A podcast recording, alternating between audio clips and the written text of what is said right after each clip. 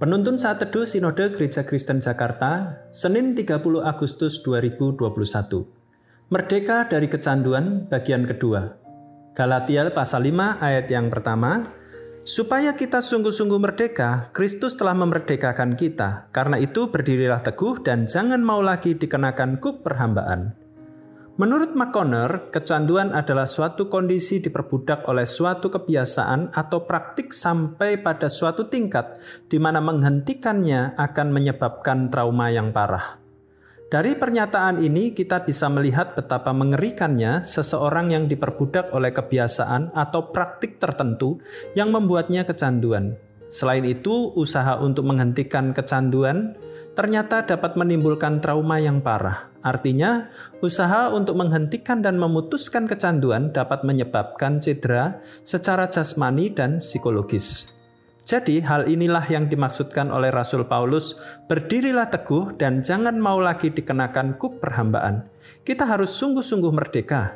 Ada beberapa kecanduan yang bisa didaftarkan di sini, kita segera berpikir kecanduan akan obat-obatan terlarang atau yang kita kenal sebagai narkoba.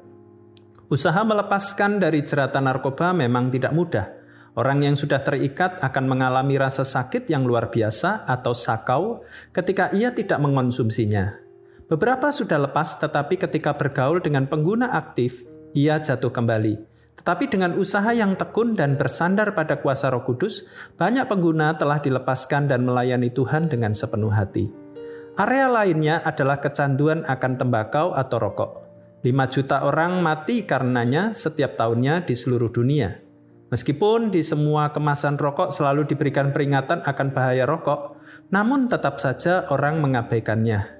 Tidak pula dengan harga yang mahal mampu menghentikan orang yang kecanduan karenanya, Sekali lagi bersandar pada Roh Kudus dan kemauan yang kuat. Seperti yang dikatakan firman Tuhan hari ini, berdirilah teguh dan jangan mau lagi dikenakan kuk perhambaan. Kita pasti bisa benar-benar merdeka. Kecanduan lainnya lagi adalah judi. Latar belakang masa lalu, yaitu sebelum percaya Tuhan Yesus, ketika hidup dalam perjudian, masih terbawa sampai setelah menerima Yesus. Mulai dari skala kecil sampai yang besar mulai dari diam-diam hingga terang-terangan.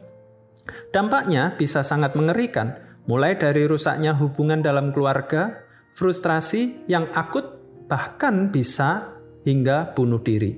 Sebuah artikel menuliskan informasi yang menarik, bahwa kesempatan Anda untuk memenangkan sebuah lotre adalah satu banding 7 juta.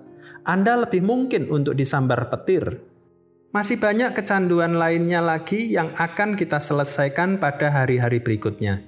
Lepaskanlah diri kita dari segala ikatan kecanduan yang mengikat kita selama ini.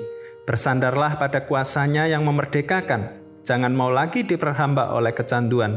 Allah mengasihi Anda sepenuhnya dan dia ingin Anda merdeka dari semua penjara kecanduan Anda. Tunduk bersandar penuh pada pimpinan Roh Kudus adalah kunci untuk bisa lepas dari kecanduan dosa apa pun. Tuhan Yesus memberkati.